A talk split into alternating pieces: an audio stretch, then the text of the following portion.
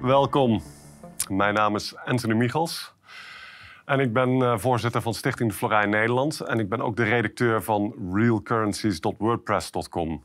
En Currencies, dat is mijn uh, website over rentevrije economie, het financiële systeem, uh, de aard van de problematiek waar we in de economie mee te maken hebben.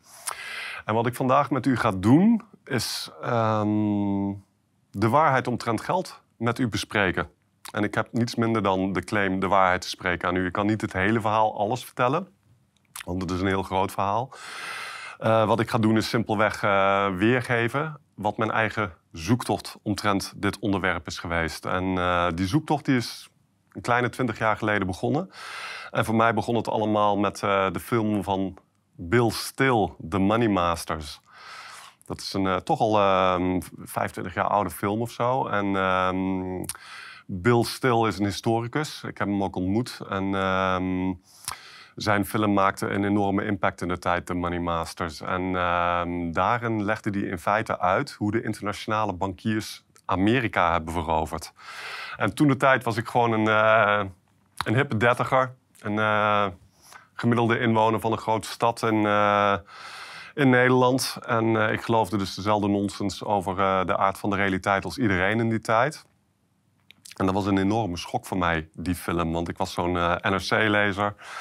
En uh, ik vond mezelf veel te sophisticated, veel te goed opgeleid en veel te goed op de hoogte om te kunnen geloven dat zo'n brute conspiracy theory als het gegeven dat de bankiers de wereld regeren, om daarin te geloven. En uh, toen werd ik in die film met de feiten geconfronteerd. En uh, ja, dat was natuurlijk een hele schok. En het was een eh, een wake-up call, zoals dat heet. En uh, ik kan me ook nog heel goed herinneren, dat is een heel maffe gewaarwording, dat ik, dat ik daar heel sterke denial bij voelde. Ik, mijn, ik, ik, ik, ik, observeerde op dat moment dat mijn brein simpelweg de gedachte produceerde: nee, nee, nee, het kan niet waar zijn, het kan niet waar zijn. En ehm, tegelijkertijd de realisatie: ja, het is wel waar, want de feiten zoals Bill Still die presenteert in die video, die zijn onweerlegbaar. Ik kan die film nog steeds aan iedereen aanbevelen. Ik zal niet zeggen dat ik het met alles eens ben wat er in die film gezegd wordt. Met name het, uh, wat Bill zegt over uh, hoe geld exact werkt en hoe de situatie moet worden opgelost. Die onderschrijf ik niet. Maar uh, de historische analyse van wat er gebeurd is, hoe de internationale bankiers Amerika hebben overgenomen, die onderschrijf ik wel volledig. En uh, is gewoon een heel belangrijk hoofdstuk in de menselijke geschiedenis. En, uh, en zal voor iedereen duidelijk maken dat bankiers inderdaad regeren. En toen ik eenmaal dit besef had, toen had ik een vraag. Namelijk, uh, als de bankiers regeren, dan doen ze dat door geld. Dat leek mij een hele evidente conclusie. En dat leverde dan de volgende de vraag op van... ja, dan moet ik dus weten wat geld is. Wat is geld? Hoe werkt geld? Hoe regeren ze door geld? En dat was het begin van mijn zoektocht. En toen gebeurde er in de dagen daarna iets heel synchronistisch. Want uh, iets wat ik ook nooit zal vergeten. Want uh, ik ging toen de maandagavond erop naar de schaakclub. Ik was toen een vervente schaker. En uh, mijn maatje van het uh, eerste team die, uh, die vertelde mij van... Ik heb net een leuk boek gekocht bij de Rams in de Slechte.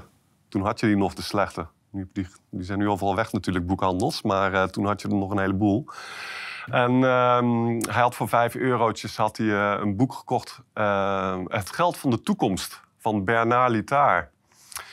Een heel erg ehm, eye-opening boek, moet ik zeggen. Wat ik nog steeds iedereen kan aanbevelen, dat boek, om dat eens te lezen. Dat geeft je echt een goede indruk van ja, wat geld is, hoe geld werkt, hoe je geld kan creëren, et cetera, et cetera. En hoe, en hoe wezenlijk het thema is. Littard zegt ook het een en ander over woeker, rente. Dat, uh, dat is een heel belangrijk thema. Daar gaan wij het ook heel uitgebreid over hebben.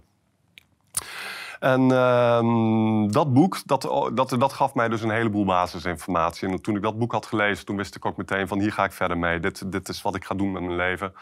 Uh, enerzijds onder, verder onderzoeken wat geld is, daarover publiceren en bovenal zelf geld creëren. Dus dat zijn ook de twee takken van mijn werk. Ik, uh, enerzijds met de Florijn, dat is mijn hoofdtaak, uh, hou ik me bezig met geldcreatie. Hè? Dat, uh, daar zullen we het ook nog in andere uitzendingen een stuk uitgebreider over gaan hebben. Ik heb er eerder ook al een gesprek met Max daarover gehad. Maar ehm, vandaag en ehm, in, in, de vervolguitzendingen zullen we het meer gaan hebben over mijn zoektocht naar dit hele geldverhaal. En ik zei net dat ik de waarheid ging vertellen over geld. En dat zeg ik met een hele specifieke reden, want dat zou misschien vanzelfsprekend uh, moeten zijn of wat dan ook. Maar er is een heleboel nonsens over geld in circulatie. En dat is ook helemaal niet gek, want alles draait om geld. En nogmaals, de bankiers regeren en dat doen ze door geld. En uh, ze hebben er natuurlijk alle belang bij om ervoor te zorgen dat wij niet begrijpen hoe dat werkt en hoe wezenlijk dat is. En dat is. Uh, dus we hebben te maken met een heleboel afleidingen. De, de hoofdafleiding is de moderne economische wetenschap. Hè? En die moet je ongeveer vergelijken met virologie. Dezelfde soort relevantie, dezelfde soort waarheidsgehalte en ook van dezelfde makers. En uh, ik zal een aantal voorbeelden geven van de nonsens van de economische wetenschap. En, maar we hebben ook te maken met uh, een heleboel alternatieve theorieën en vooral ook ideologieën. Een klein stokpaardje van mij is uh, hoe waarheid en ideologie tegenover elkaar staan. Waarheid staat gewoon op zichzelf. De waarheid heeft aan zichzelf genoeg. Waarheid is geen ideologie. De waarheid is. Ideologie is een framing van waarheid, is een afleiding van waarheid. Alle ideologie is gelogen. Als je, je hebt de waarheid, als je gewoon waarachtig bent, dan heb je gewoon de feiten aan je kant. Ideologie heb je nodig om af te leiden van de feiten. er zijn een heleboel alternatieve uh, ideologieën omtrent geld. Eentje daarvan is bijvoorbeeld de Oostenrijkse school, libertarisme. Daar zal ik ook een uitzending over gaan maken. Want een heleboel mensen zijn daarmee behept. Want in de alternatieve media staat een hele dominante ideologie. Er zijn een heleboel problemen met het libertarisme. En uh, ik ga vandaag eerst bespreken hoe het wel zit. En daarna ga ik bespreken met het libertarisme wat, wat daarvan de issues zijn. En dat zal ook meteen een verdere verdieping geven over, uh, uh, ja, over de issue van wat is geld en wat zijn onze problemen met ons huidige geld. Um, ik ga dat doen door simpelweg een verhaal te vertellen. Ik ga gewoon het hele verhaal uit de doeken doen. En uh, uh, dat ga ik dan staven aan de hand van plaatjes. En, en, of laten we zeggen, uh, met, met verwijzingen naar artikelen. Ik, als het goed is, kan ik nu gewoon aangeven van laat het even zien. Ja, kijk, dan komt hij in een beeld inderdaad. Dat is Bram die regelt dat voor ons. En dit is mijn website, Real Currencies. En ik verwijs naar artikelen op mijn website. Want ik heb op mijn website een paar honderd unieke artikelen staan. Het uh, is ook zeer zeker de moeite waard om daar eens een keer een weekendje in te gaan grasduinen. En uh, bij sommige claims die ik maak, verwijs ik naar artikelen op mijn website voor de bewijsvoering en om er nog even verder over na te kunnen lezen. En um, ja, dat, dat geeft dan een stukje kader, zeg maar. En, want ik kan natuurlijk niet in, uh, in, wat ik nu ga vertellen alles helemaal tot in de kleinste details bespreken. Dit wordt een overview, een, uh, een algemene introductie die... en laat je alsjeblieft niet afschrikken door het feit dat we het over economie gaan hebben. Want economie wordt in het, in het Amerikaans the dismal science genoemd. De, ja, de naargeestige wetenschap, zeg maar. En dat is een verwording. Economie is iets heel doods en lelijks geworden. Bijvoorbeeld, er is het onderzoek gebleken dat als je economie hebt gestudeerd, dat je daarvan hebzuchtiger wordt. En dat is een hele ernstige zaak, want hebzucht is een hele ernstige spirituele ziekte. En um, de hebzucht van de echt enkeling is, um, is een heel groot probleem voor het lot van de massa. En um, dat hoeft absoluut niet zo te zijn. Economie is een heilige wetenschap. De moderne economie, economische wetenschap is een wetenschap van schaarste. Dan wordt, als je de tekstboek economie leest, dan lees je van hoe gaan we om met schaarse middelen. De heilige economische wetenschap, dat is ehm, de wetenschap van de verdeling van de overvloed van de voorzienigheid. Want we leven in een hele overvloedige eh, wereld. En Mohammed, uh, Mahatma Gandhi die heeft ooit eens een keertje de legendarische quote achtergelaten van... Er is meer dan genoeg voor de noden van de mensen er is niet genoeg voor de hebzucht van de mensen. En dat is precies hoe het is. En um, de moderne economische wetenschap die heeft eigenlijk maar één functie. En dat is uitleggen waarom de rijken alsmaar rijker moeten worden. En waarom de, de werkende massa's uh, alleen maar harder moeten werken. Dat is, dat is de functie van de moderne economische wetenschap. En de functie van de heilige economische wetenschap is simpelweg uh, uitleggen hoe we op een redelijke manier gezamenlijk ons dagelijks brood aan de aarde onttrekken. Dat is, uh, en een economie hoeft helemaal niet saai en uh, irritant te zijn. Economie is interessant en het economie is ook absoluut bepalend voor ons hele leven. Iedere dag zitten we te zwoegen en uh, veel meer zo dan we zouden moeten. we werken veel te hard en veel te veel. En dat doen we omdat we dus inderdaad in allerlei foutieve economische paradigma's geloven. En als we ons willen bevrijden daarvan en als we een, een menswaardige toekomst willen voor onze kinderen, voor alle volkeren in de wereld, dan moeten we ter zake komen met economie. En centraal in de economie is geld. Aan de ene kant heb je het geld en aan de andere kant heb je al het, alle productie. Dat zijn de twee kanten van de economie. En het simpele gegeven wil dat als je het geld beheerst, dan beheers je de hele economie. En wat ik vandaag ga doen, en in, dit gaan we in een aantal uitzendingen splitsen. Um, even, even, afhankelijk van uh, hoeveel uh, tijd ik hiervoor nodig heb. Dat weet ik zelf ook nog niet precies. Maar um, dat, zal, uh, dat zal blijken. Maar het zullen waarschijnlijk twee uitzendingen worden. En wat we vandaag gaan doen is simpelweg inzichtelijk te ma maken hoe het geld regeert. Oké, dat was de introductie. En wat ook goed is, is om te vermelden is dat, dat economie en geld... Ja, dat is simpelweg het belangrijkste maatschappelijke vraagstuk waar je je mee bezig kan houden. Monetaire hervorming, de hervorming van ons geldwezen, is de belangrijkste taak die we als mensheid te doen hebben. Als we dat niet doen, heeft het ook geen zin om een al het andere te doen. Dat klinkt misschien als een hele verstrekkende stelling, maar het is de absolute waarheid. Wij willen een nieuwe wereld gaan bouwen. De oude wereld is aan het instorten. We staan aan de vooravond van een wereldregering. Een wereldregering door en voor bankiers. Uh, want degene die achter de komende wereldregering zitten, dat zijn de eigenaren van de banken. Bijvoorbeeld, ik zal jullie laten zien uh, hoe dat eruit ziet.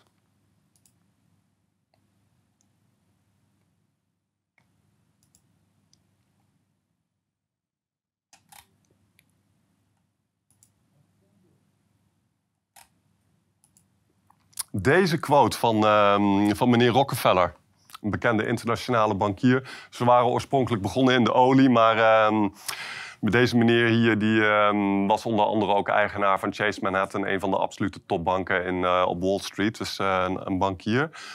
En hij zegt hier doodleuk: um, The supranational sovereignty of an intellectual elite and world bankers is surely preferable to the national autodetermination practiced in past centuries. Dus wat hij hier zegt van uh, een wereldregering door bankiers is beter dan een uh, dan nationale regering uh, gelinkt aan de volkeren. Dat is wat hij zegt. En ehm, dat, ja, dat is natuurlijk een verstrekkende stelling. En ehm, absoluut geen bluff. We staan gewoon aan de vooravond van de introductie van die wereldregering. En het is dus erg acuut geworden nu allemaal. En in het verleden is er heel veel gesproken over monetaire hervorming. En uh, dat blijft ook absoluut noodzakelijk. Maar gezien het feit waar we nu zitten in de, in de, in de tijdlijn en in de, in de fase van de geschiedenis is het daar een beetje te laat voor. We kunnen nu niet meer wij, uh, wedijveren voor um, monetaire hervorming op nationale schaal. Uh, we, moeten wel over blijven nadenken van hoe dat eruit zou moeten zien. Want het, het, blijft absoluut centraal en wezenlijk. Maar in deze fase is de, is de situatie nu zo acuut en ernstig dat we meer decentrale vormen van monetaire hervorming moeten, moeten nastreven. Hè? En de Florijn is daar dan een heel belangrijk voorbeeld van. En um, maar de, de, de, doorgaande onderzoek naar eh, wat is geld en, en, en hoe werkt dat, dat blijft centraal staan. Um, dit is het belangrijkste maatschappelijke teken, uh, um, thema, maar er is maar één ding belangrijker. Want er is namelijk wel iets wat nog belangrijker is. En dat is, laten we zeggen, uh, het besef dat we geestelijke wezens zijn. En um, we leven nu in een, in een, eindfase van 500 jaar moderniteit, 500 jaar kapitalisme, 500 jaar woeker. En dat heeft ons ook heel erg vast doen zitten in materialisme en atheïsme. En uh, ook dat is eigenlijk het enige nog belangrijkere gesprek wat we moeten voeren. Dus geest versus materie. Um, dan, uh, dan geld. Maar um, om ons te bevrijden uit het materialisme is uh, fatsoenlijk geld wel heel erg cruciaal en belangrijk. Dus um, dat spirituele versus het geld, dat is, dat is een ja, heel erg centraal iets. Om maar een klein voorbeeld te noemen. Ik heb hier de Tao Te Ching. Dat is natuurlijk een heel belangrijk spiritueel boek. En ik, ik zat hier vanmiddag aan te lezen in de trein. En toen kwam ik toevallig dit tegen, een hoofdstuk, tegen, dus, hoofdstuk 9. Een zaal vol met goud en edelstenen kan niemand bewaren. Rijk, machtig en daarbij hooghartig. Zo zaai je ongeluk voor jezelf. Dus Lao Tzu, die legt hier een hele duidelijke link tussen. Uh, hij zegt hier een zaal vol met goud en edelstenen. Niemand kan daardoor gered worden. Niemand wordt gered door een volle spaarpot. We weten het allemaal. Niemand, je kan, als we doodgaan, kunnen we dat geld allemaal niet meenemen. Toch zijn we ons hele leven bezig om dat geld bij elkaar te scharrelen. En het is een enorme illusie. En um, ook in het christendom, wat helaas door de laatste decennia in een heel negatief daglicht is komen te staan. Ook door het Calvinisme, daar zullen we ook nog uitgebreid over hebben, omdat Calvinisme woeker weer toelaatbaar maakte, wat een hele, hele negatieve zaak is. Maar het Calvinisme, of het uh, christendom is uh, helaas uh, in een, negatief daglicht komen te staan, zoals ik al zei. maar het, christendom heeft daar ook, is heel duidelijk over. Want de wet van het christendom is dat we God moeten liefhebben en elkaar. Dat is de wet van het christendom. En daartegenover wordt gesteld: de liefde voor geld is de wortel van alle kwaad. Dus er is een, een keiharde tegenstelling in het christendom tussen de liefde voor geld en de liefde voor elkaar. En uh, dat, dat, geeft heel duidelijk aan hoe centraal dit hele geldthema is. Een ander uh, voorbeeld is uh, Jezus die zegt van, uh, gij, gij, kunt niet twee heren dienen. Je zult of mammon of onze vader dienen. Het is echt een keiharde tegenstelling die hij ook weer poneert. Of je dient de materialistische machten, de machten van het geld... Of je dient onze vader en hebt dus ook je naaste lief. Want die twee dingen worden... Hè, de God en elkaar lief hebben, dat is, voor Jezus is dat hetzelfde. Dus, um, dus dat is ook een heel duidelijk verhaal. En ook uh, als je in de openbaringen gaat kijken... Hè, dat, dat beroemde laatste boek van de Bijbel... Uh, en het gaat over de eindtijd... dan uh, is daar het, het, beruchte verhaal van de Mark of the Beast. Hè, het teken van het beest wat volgens uh, de voorspelling iedereen opgelegd zal krijgen in de eindtijd. En dit is gewoon het christelijke narratief. Hè. Ik zeg het niet om te zeggen van je moet dat ook geloven. Ik zeg het alleen even om aan te geven hoe het christendom hierover denkt. En ehm, het interessante hiervan is dus dat, dat je zonder de mark of the beast, volgens openbaringen, niet zal kunnen betalen. Dus dat geeft ook weer iets aan over van, uh, hoe, het, uh, hoe het duivelse imperium, het satanische imperium, want de komende wereldregering zal satanisch van aard zijn, uh, hoe, die zich dus, hoe die zich dus manifesteert door het geld. En dat, is, dat is ook beslist geen toeval, want we hebben het al genoemd. De komende wereldregering zal voor en door de bankiers zijn. En ehm, dan gaat het dus ook, dan gaan we nu dus ook over naar uh, de, de, de, economische kant van de zaak. Want uh, de bankiers zijn de, de macht achter de natiestaten en uh, zijn de, de, de werkelijke macht en de werkelijke hegemon in de wereld. De bank is de macht. En niet de Verenigde Staten bijvoorbeeld. Niet, niet ook welke andere natiestaat. Ik kan je dat heel duidelijk staven. Dat is helemaal niet moeilijk om te bewijzen. Namelijk, de wereld staat 300.000 miljard dollar in het krijt bij de bank, de hele wereld. De Verenigde Staten staat alles, alles bij elkaar, huishoudens, um, bedrijven en overheden. De Verenigde Staten staat 90.000 miljard dollar in het krijt bij de bank. En de Amerikaanse overheid staat 30.000 miljard dollar in het krijt bij de bank en heeft zelf een inkomen van 3000 miljard dollar. Dus de Amerikaanse overheid heeft uh, een inkomen van 1 honderdste van, het, uh, van de schuld die wij uit hebben staan aan de bank. En heeft bovendien een, uh, een schuld van 10 keer haar eigen jaarinkomen. Dus niet van het Amerikaanse jaarinkomen, maar van het federale overheidsinkomen. Hebben ze een tien keer zo grote schuld bij de bank uitstaan als dat ze zelf aan inkomen hebben. En dat geeft de werkelijke machtssituatie in de wereld aan. En niet, uh, en niet zozeer, laten we zeggen, het feit dat de Amerikanen voor nu nog um, de grootste economie hebben en um, de sterkste militaire macht. Beide zaken zijn overigens meer schijn dan realiteit. Amerikaanse militaire overwicht was in 1945 heel groot, maar nu al lang niet meer zo groot. En uh, dat is bijvoorbeeld wat blijkt nu in de Oekraïne. En ook uh, in de situatie in Taiwan, in Afghanistan. Hè. We zien het overal dat de Amerikaanse hegemonie aan het instorten is. En uh, we zien dus aan de, situatie van die brute bedragen die ik heb genoemd over de schuldsituatie en over uh, het inkomen van de Amerikaanse regering, dat we, dat we heel duidelijk uit die bedragen simpelweg kunnen afleiden dat de Amerikaanse overheid letterlijk in het krijt staat bij de bank en dus ook gedomineerd wordt door de bank.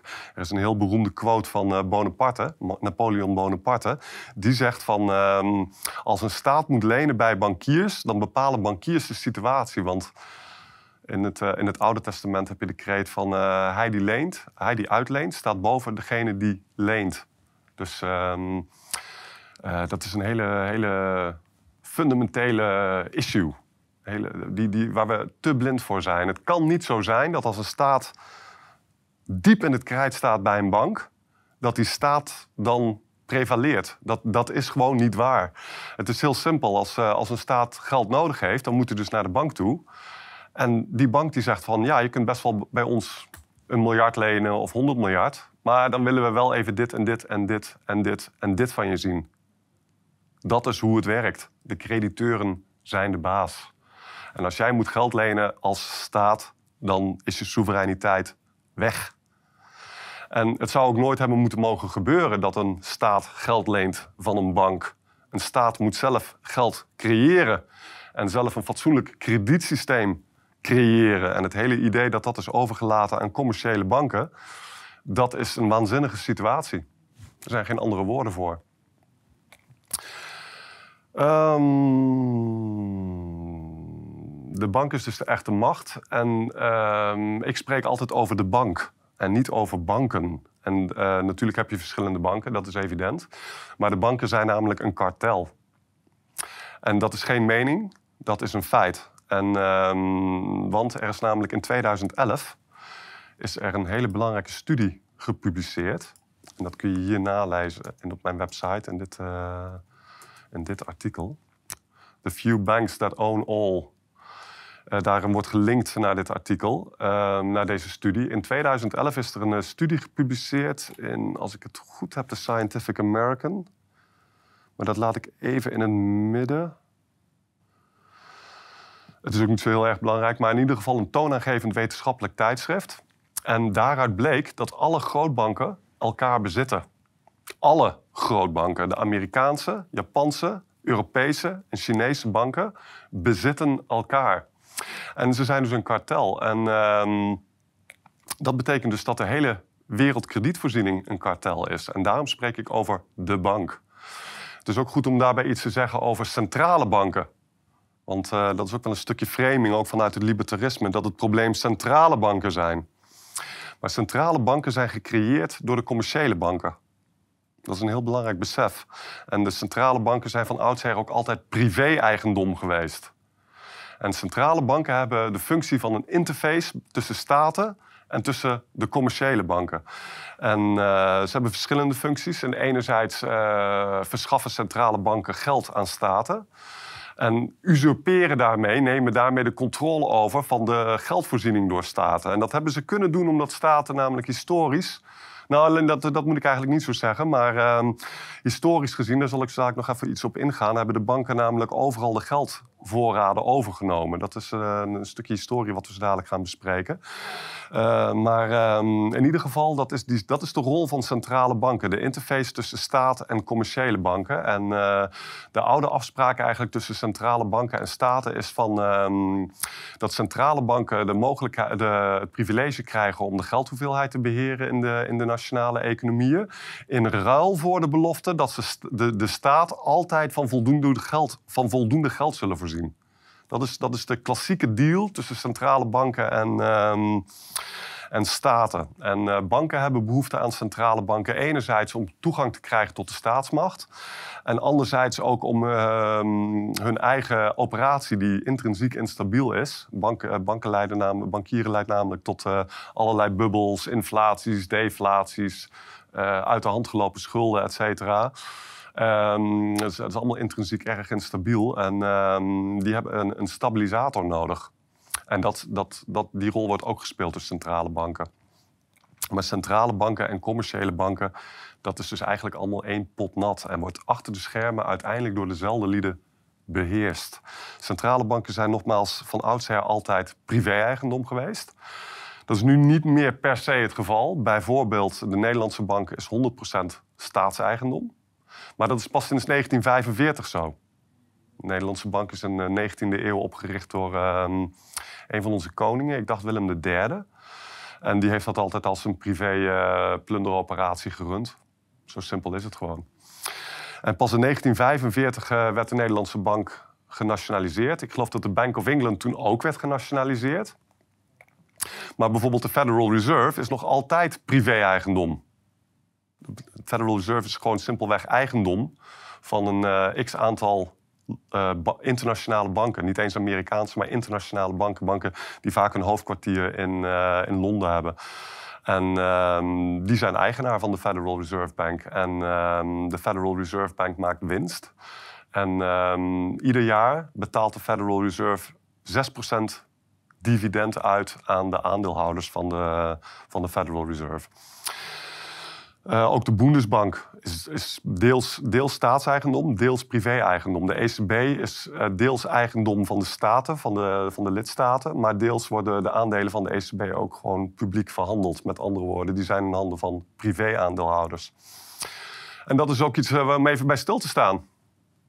Heel simpel. Want dat zou absoluut niet zo moeten zijn. Helemaal niet. En uh, het is een enorme ondermijning van democratie. En een enorme ondermijning van soevereiniteit van staten. Oké. Dus uh, de bank is een kartel, een uh, wereldwijd kartel. En uh, zit achter de komende wereldregering. En wij staan dus dat immense bedrag bij die lui in het krijt van 300.000 miljard dollar. Dat is een een onbevattelijk groot bedrag natuurlijk. Alles bij elkaar zijn dat uh, tussen de drie en de vier jaar inkomens van, uh, van de wereld. Dus uh, het is ook volstrekt onbetaalbaar. Kan nooit meer terugbetaald worden. Een heleboel van die schulden zullen moeten worden afgeschreven. En dat gaat ook weer een rampzalige gevolgen voor ons krijgen. Maar daar hebben we het al in een eerdere uitzending over gehad. Dus ehm, dat gaan we niet nu eventjes overdoen. Even kijken hoe ver we nu zijn. Um, dus de volgende vraag is van, uh, hoe hebben ze dat dan eigenlijk voor elkaar gekregen, die bankiers? Hoe hebben ze deze ontzettend dominante positie weten te verkrijgen? En dat is eigenlijk een beetje begonnen...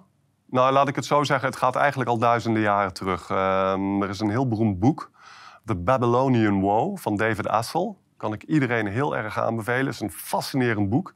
Ook uh, echt... Uh, uh, een doorbraak, dat boek. Dat, uh, die man die heeft daar tientallen jaren onderzoek naar gedaan. En uh, het is een cultboek ook echt. En, uh,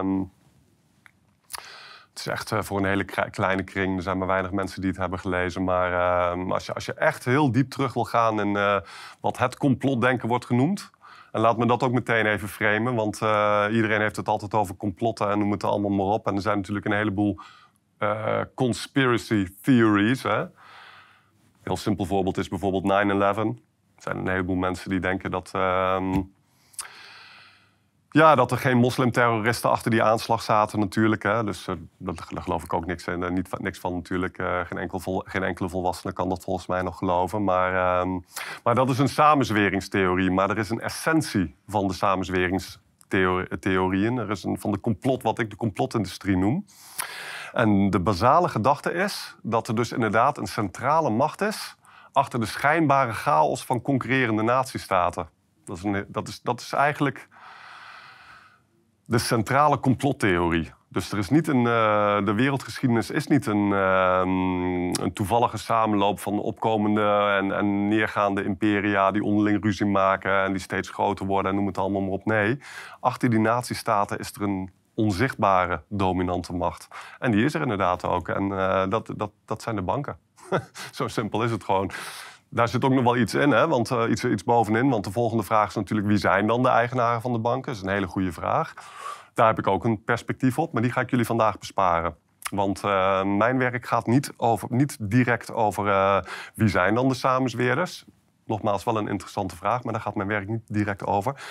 Mijn werk gaat erover van wat is de machtsbasis van de samenzweerders? Wat is hun truc? Hoe hebben ze het voor elkaar gekregen? En dat is dus bankieren. De machtsbasis van de samenzweerders, van de macht achter de schermen, is finance, international finance. En hoe hebben ze dat dus voor elkaar gekregen? Nou, dat, is, uh, dat hebben ze voor elkaar gekregen door ons te gaan laten betalen met hun geld. En dat was ook namelijk lang niet altijd het geval. Um, als we helemaal teruggaan naar het einde van de bronstijd, zo'n beetje, de opkomst van de ijzertijd, dan praat je zo'n beetje duizend voor Christus. De wereld zag er toen uit uh, dat je overal ter wereld had je kleine stamverbanden, je had uh, steden, uh, kleinere steden. Je had alleen in het Midden-Oosten had je echt ehm, imperia, die werden toen omvergekegeld. Dat is ook een heel interessant stuk van de geschiedenis. Maar um, waar het om gaat is van er waren allerlei decentrale kleine naties, stamverbanden en noem het allemaal maar op. En die gebruikten allemaal hun eigen geld. En er waren allerlei verschillende manieren van geld die ze gebruikten. En um, dat dat was gewoon heel erg verschillend. Uh, bijvoorbeeld, je had een, uh, een plek waar, uh, waar ze stenen gebruikten. En niet, en niet, en niet kleine steentjes die ze rond, ronddroegen. Maar enorme stenen die in het midden van de gemeenschap lagen. En ehm, transacties werden simpelweg gedaan doordat die stenen van eigenaar veranderden samen met... Ehm, dat, dat, was dan het geld. En daarmee werden goederen geruild. Dus, en die stenen lagen gewoon daar ter plekke. Het enige wat er veranderde was wie de eigenaar van die stenen waren. Dat is één voorbeeld waarop je geld kan, waarop je geld kan maken.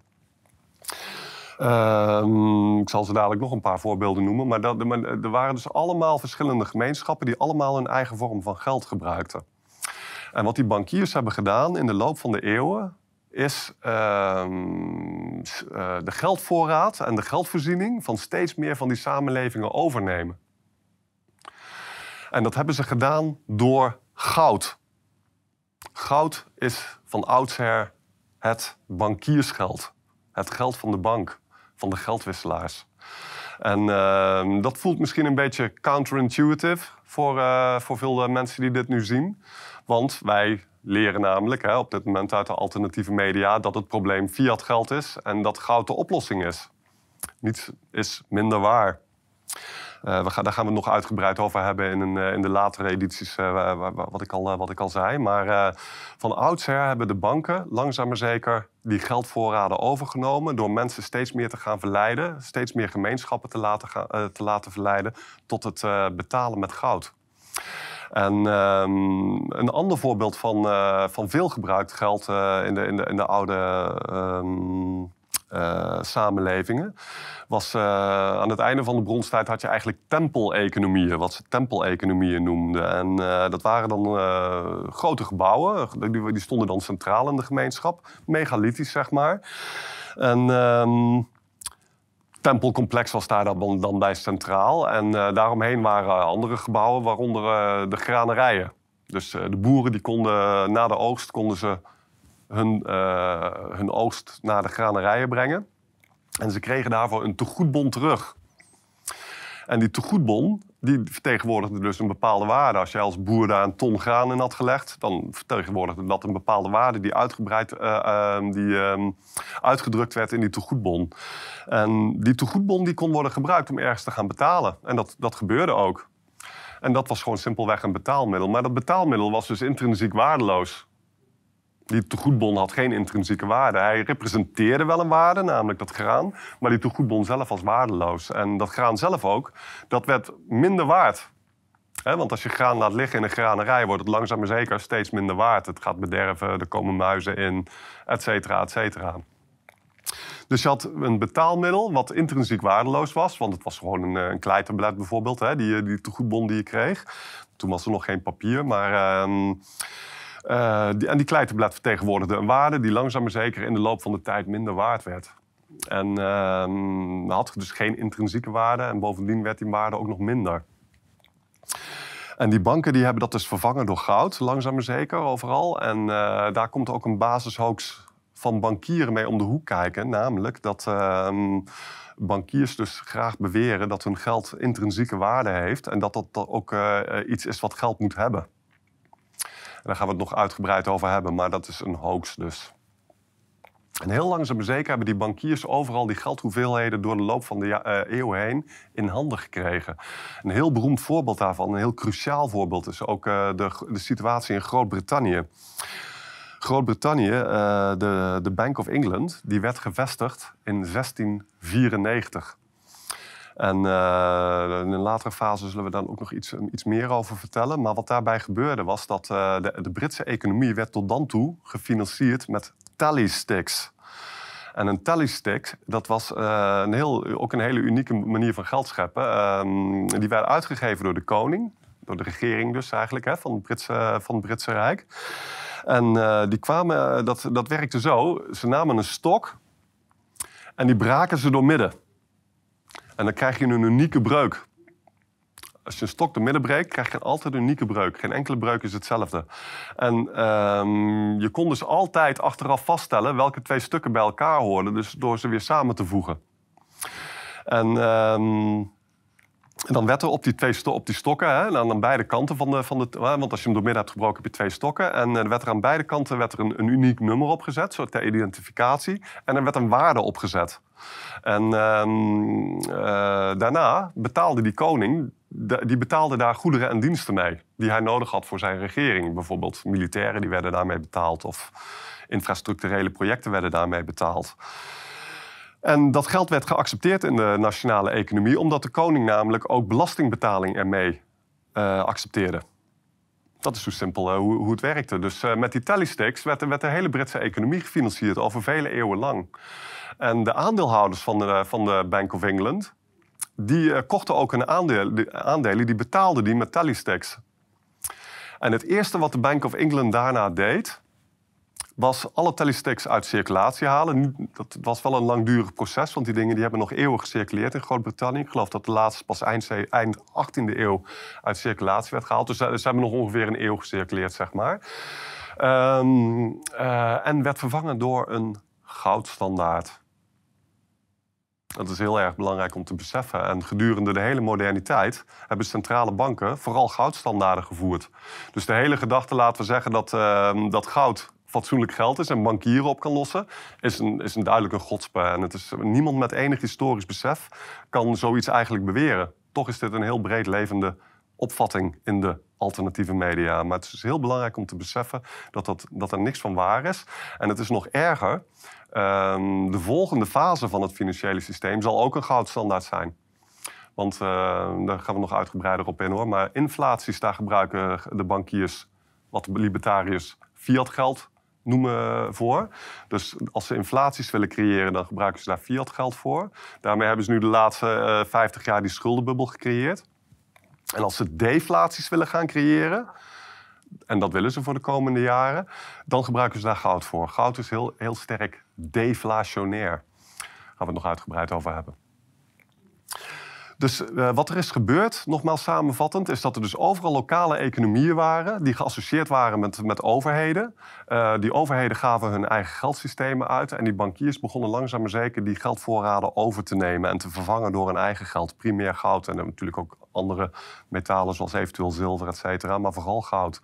En um, dat gaf ze allerlei um, mogelijkheden, zeg maar, om uh, economie mee te gaan manipuleren. Dat, en dat is het volgende wat we uitgebreid gaan bespreken. Wat we nog even moeten constateren nu, is dat op dit moment overal in de wereld, in alle landen in de wereld, inclusief Noord-Korea, Syrië, uh, Iran, uh, wordt geld nu op dezelfde wijze gecreëerd. Namelijk als rentedragende bankschuld. Alle geld wordt nu gecreëerd door in de schuld te gaan bij een bank. Overal in de hele wereld. En dat geeft dus heel duidelijk aan welke enorme progressie de geldwisselaars hebben gemaakt met het vervangen van de geldsystemen over de lokale geldsystemen door hun eigen geld. Ze zijn volledig succesvol gebleken. Want alle geld in de hele wereld wordt nu gecreëerd door banken op dezelfde manier door mensen in de schuld te laten gaan. En daarover dan rente te laten betalen. Dus uh, dat, dat, dat geeft aan dat uh, de geschiedenis gewonnen is door de banken. Heel simpel. En dat is dus ook uh, die controle over het geld. En de middelen die ze hebben om, om, om die controle dan uit te nutten. dat, dat is dus, loopt parallel aan de komende wereldregering. Die almacht van de bank die blijkt uit het feit dat we allemaal met hun geld betalen en dat overal in de wereld en nu eh, na eeuwenlange ontwikkeling, ehm, of nou ja, e-, eeuwenlange overname door de bank, allemaal op dezelfde manier uh, overal ter wereld geld creëren. En dat is niet omdat, uh, omdat dat een goede manier van geldcreatie is, of een, hè, dat bankiersgeld goed is. Dat is puur en alleen omdat mensen nooit hebben begrepen wat geld is en dat dit allemaal, zonder dat we het door hadden, heeft kunnen gebeuren. Dat is eigenlijk uh, de onwetendheid van de mensheid omtrent geld. En daarom is het, uh, vind ik het dus ook zo fijn om dit gesprek met jullie te doen.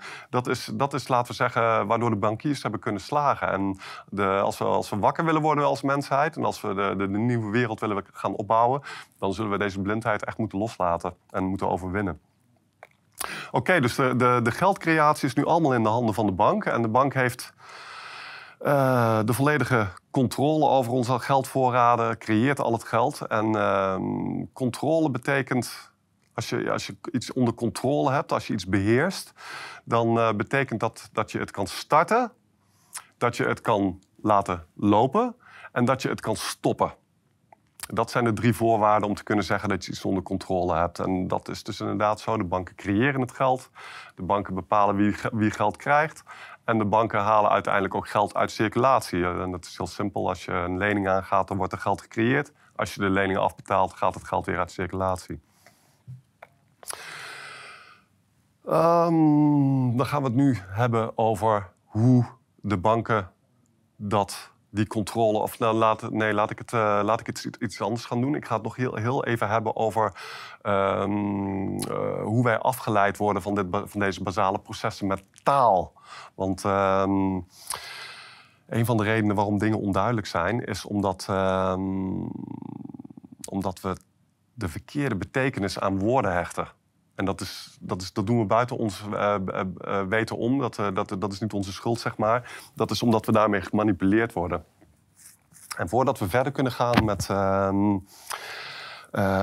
begrijpen hoe we gemanipuleerd worden door het geld, is het belangrijk om een aantal concepten helder te krijgen. En ehm, die concepten zijn woeker en inflatie, om te beginnen. En ook kapitalisme. Dat zijn de drie, uh, de drie belangrijkste woorden waar we het heel uitgebreid over gaan hebben. Dat gaan we niet meer in deze uitzending doen, dat gaan we in de volgende uitzending doen. Maar um, wat ik nog wel even met jullie ga bespreken is wat die woorden nu eigenlijk betekenen. Want uh, woeker is het eerste woord.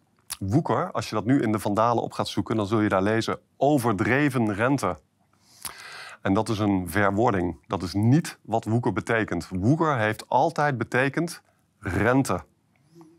En dat is heel belangrijk, want uh, als je bijvoorbeeld leest in, uh, in de Bijbel... Uh, je mag geen woeker nemen van je broeder. En Deuteronomium 23:19 staat dat keihard vermeld. Er kan geen enkel misverstand over bestaan. Volgens de christelijke religie is rente woeker absoluut verboden. Er zijn geen mits of maren aan. Je mag gewoon geen rente nemen, punt, einde verhaal. En uh, daarmee bedoelen ze alle rente. Dus ook 0,01% rente. En niet overdreven rente. Dat is heel belangrijk. En de geldwisselaars, woeker is namelijk een vloek. Dat is een heel lelijk woord. Door de eeuw heen. Woeker is altijd iets lelijks geweest. En uh, we hebben duizend jaar rentevrije economie gehad in Europa. Het uh, was gewoon een renteverbod, want we hadden een christelijke economie. Dus uh, daarom mocht je absoluut geen rente nemen. Het gebeurde wel, hè, omdat ehm, mensen zijn zondig. Simpel, dus dat erkende de katholieke kerk ook. Maar het was wel heel duidelijk een zonde. En je kreeg bijvoorbeeld geen christelijke begrafenis als je boeken nam. En uh, bijvoorbeeld, om een klein voorbeeld te nemen, uh, je had vroeger ook geldwisselaars. En uh, die, die, werden natuurlijk verteerd door hebzucht. Want dat is namelijk wat een eigenaar, eigen is. Het wordt, heel, wordt gewoon puur gedreven door hebzucht. En daar is, daar, is, verder niks opwindends aan. En um, aan het einde van hun leven, dan begonnen ze de dood te vrezen. En dan begonnen ze met name uh, de woede van God te vrezen. En dat was, echt een, dat was echt een ding. Je had dus een heleboel geldwisselaars die waren steenrijk geworden gedurende het leven door iedereen kaal te roven met woeker. En dan, tegen het eind van het leven dan begonnen ze daar spijt van te krijgen. En uh, het gebeurde regelmatig dat, dan, dat ze dan uh, een priester uh, vroegen van kom me helpen. En dan, dan bad die priester met ze en die vertelde ze dan ook van ja als je absolutie wil, dan moet je de buit teruggeven aan degene die je benadeeld hebt met, met, je, met je woekerij. En, um, uh, dan, uh, dan, dan krijg je vergeving, weet je wel. Want in, in, het christendom krijg je vergeving als je vroeging toont. En als je, je voor zover mogelijk de mensen die je benadeeld hebt weer, in het, weer heel maakt, zeg maar. En, en dat was een ding toen de tijd. En regelmatig kwam het voor dat zo'n geldwisselaar dan inderdaad besloot om, om de hele buit terug te geven. Dus, ehm, maar Waar het om gaat is, woeker is rente. En de taalmanipulatie die de geldwisselaars in de eeuw hebben toegepast... dat het dus overdreven rente werd, dat, uh, dat, dat moeten we even adresseren. Woeker is rente. Een ander beroemd voorbeeld is inflatie. Inflatie, mensen denken dat dat prijsstijging betekent, maar dat is helemaal niet waar. Inflatie betekent een groeiende geldhoeveelheid. En het tegengestelde daarvan is deflatie, dus een krimpende geldhoeveelheid. En dat, is, uh, dat hebben ze vervangen door, het, uh, door de consequentie van een groeiende geldhoeveelheid. Namelijk dat de prijzen gaan stijgen. Je kan in de economie, laten we zeggen, als de economie voluit draait, en je, uh, en, je, en je gaat dan geld toevoegen, dan gaan de prijzen stijgen. Niet als de economie onderpresteert. Als je dan geld toevoegt, dan uh, blijven de prijzen een tijdje lang hetzelfde... tot de economie gaat oververhitten, zoals dat heet. En dan gaan de prijzen stijgen. En, uh, maar prijsstijging is dus een gevolg van inflatie. Dat is wat heel belangrijk is om te beseffen. En uh, als jij prijsstijging verwart met inflatie, dan zul je nooit begrijpen wat er aan de hand is. En dat is, dat is dus ook weer hoe we gemanipuleerd worden. Prijsstijgingen zijn uh, als je te veel geld bijmaakt, dan uh, kan dat dus leiden tot prijsstijgingen, absoluut. Maar prijsstijgingen kunnen ook door andere zaken uh, veroorzaakt worden. Dat is wat we ook nu heel duidelijk zien op dit moment. Hè. Bijvoorbeeld ehm, die situatie in de Oekraïne, die leidt tot stijgende tarweprijzen. Dat is geen inflatie. Dat zijn stijgende prijzen door productie-issues en door supply chain issues. Niet door monetaire expansie. Wat, want hè, die monetaire expansie is inflatie. Prijsstijgingen kunnen door andere oorzaken dan inflatie worden veroorzaakt. En, uh, en dat is een heel belangrijk besef. Dus als je de waarheid wil onderzoeken en als je een helder beeld wil krijgen van de realiteit, is het gewoon heel erg belangrijk om die definities helder te hebben. Uh, dus in ons vervolggesprek zullen deze betekenissen heel erg helder moeten zijn voordat we een, een goed beeld kunnen krijgen. Nou, dat is even een stukje economische historie. Ehm, ik laat het hier nu voor nu even bij. En dan gaan we in de volgende uitzending gaan we verder over van hoe die controle over het geld, hoe die bankiers dat gebruiken om ons, ja, laten we zeggen, uh, om ons onder controle te krijgen. Laten we het daar maar op houden. Dus uh, tot de volgende keer. Dank u.